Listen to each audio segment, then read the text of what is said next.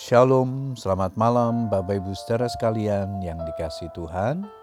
Kita bersyukur kepada Tuhan untuk kasih setianya, penyertaannya, pemeliharaannya di dalam kehidupan kita.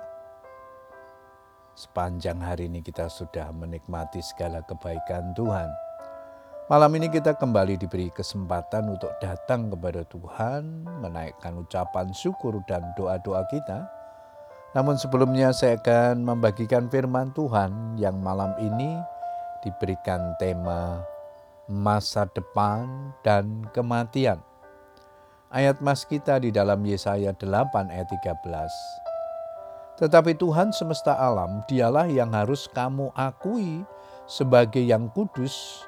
Kepadanya lah harus kamu takut dan terhadap dialah harus kamu gentar.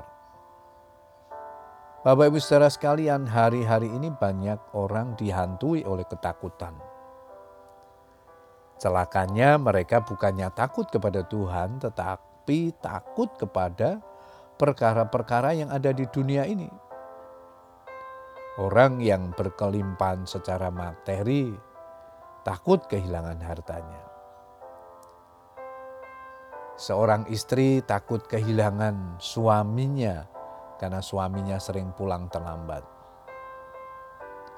Seorang gadis yang mulai menginjak usia dewasa dihantui oleh rasa takut karena belum menemukan jodoh yang tepat.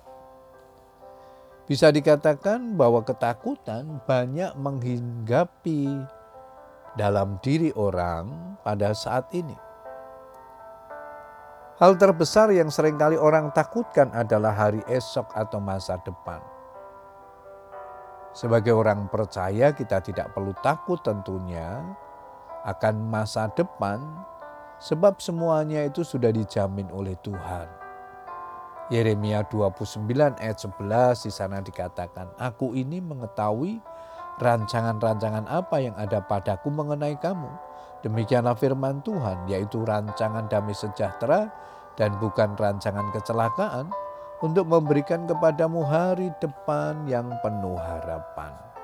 Masa depan dan harapan bagi orang percaya itu sungguh ada dan tidak akan pernah hilang. Tuhan berjanji menyertai kita sampai kepada kesudahan zaman. Bahkan sampai masa tuamu aku tetap dia dan sampai masa putih rambutmu aku menggendong kamu. Aku telah melakukannya dan mau menanggung kamu terus. Aku mau memikul kamu dan menyelamatkan kamu. Yesaya 46 ayat yang keempat. Hal lain yang menakutkan manusia adalah masalah kematian. Namun kematian bagi orang yang percaya hanyalah sebuah perpindahan tempat saja.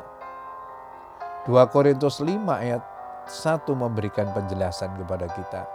Karena kami tahu bahwa jika kemah tempat kediaman kita di bumi ini dibongkar, Allah telah menyediakan suatu tempat kediaman di surga bagi kita.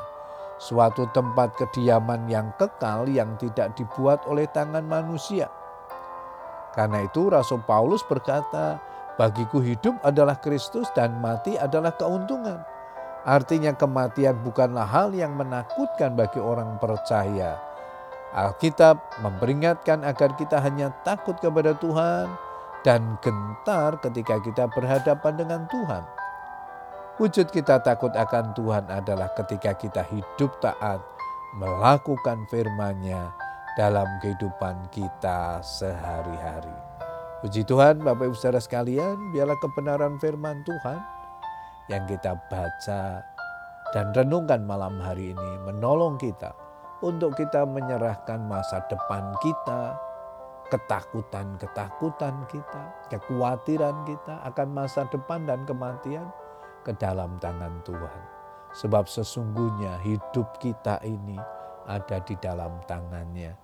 Dia menjamin kita dari sekarang sampai kekekalan. Selamat berdoa dengan keluarga kita. Tuhan Yesus memberkati. Amin.